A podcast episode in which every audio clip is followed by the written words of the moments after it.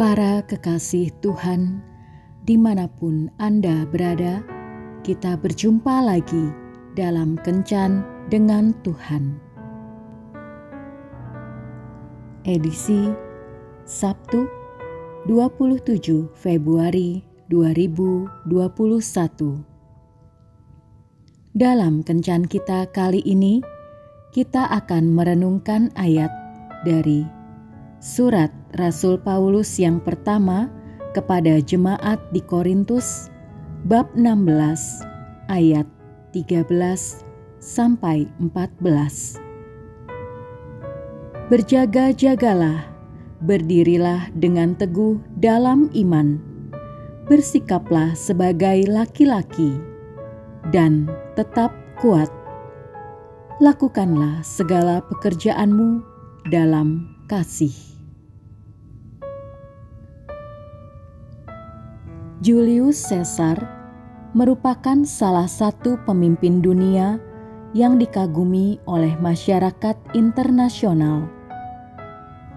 Dia dikenang karena dalam hidupnya pernah mencapai kejayaan. Julius Caesar dengan pasukan yang dia pimpin telah berjuang habis-habisan setiap kali menghadapi peperangan. Baginya, kunci kemenangan adalah pantang mundur. Catatan sejarah menceritakan bahwa ketika Julius Caesar hendak menaklukkan Inggris, dia mulai berlayar dari pantai di Perancis ke daratan Inggris. Setibanya di Inggris, Julius Caesar membakar semua kapal yang membawa mereka sampai di situ.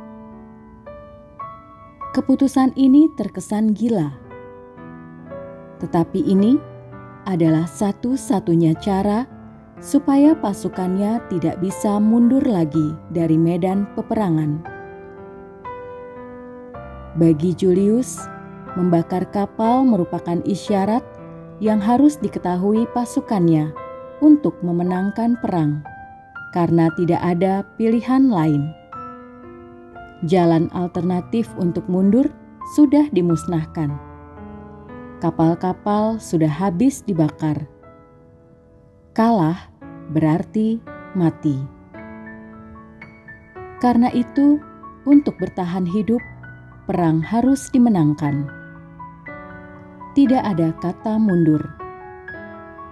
Jika perang telah dimulai, tidak ada cara lain untuk menang selain maju terus pantang mundur. Itulah yang mengharumkan nama Julius Caesar sampai sekarang.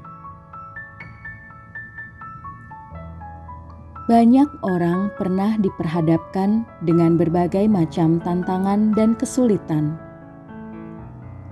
Untuk menghadapi tantangan dan kesulitan itu, terkadang membuat orang menjadi bingung dan tidak mengerti lagi apa yang harus dilakukan. Semuanya seperti jalan buntu.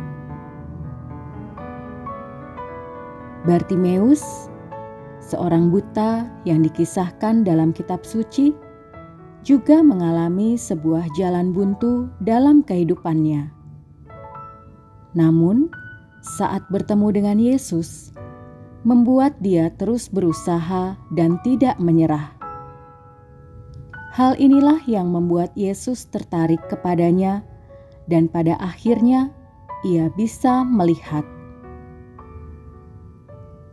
Godaan untuk menyerah juga sering menghampiri orang yang sedang dalam kesulitan. Orang yang menyerah tidak memiliki kekuatan yang cukup dalam dirinya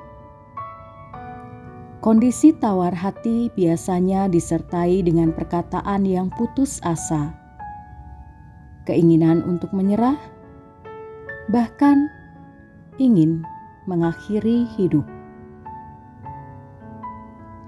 Jadi, apa pun permasalahan kita, jangan pernah menyerah dan teruslah berjuang.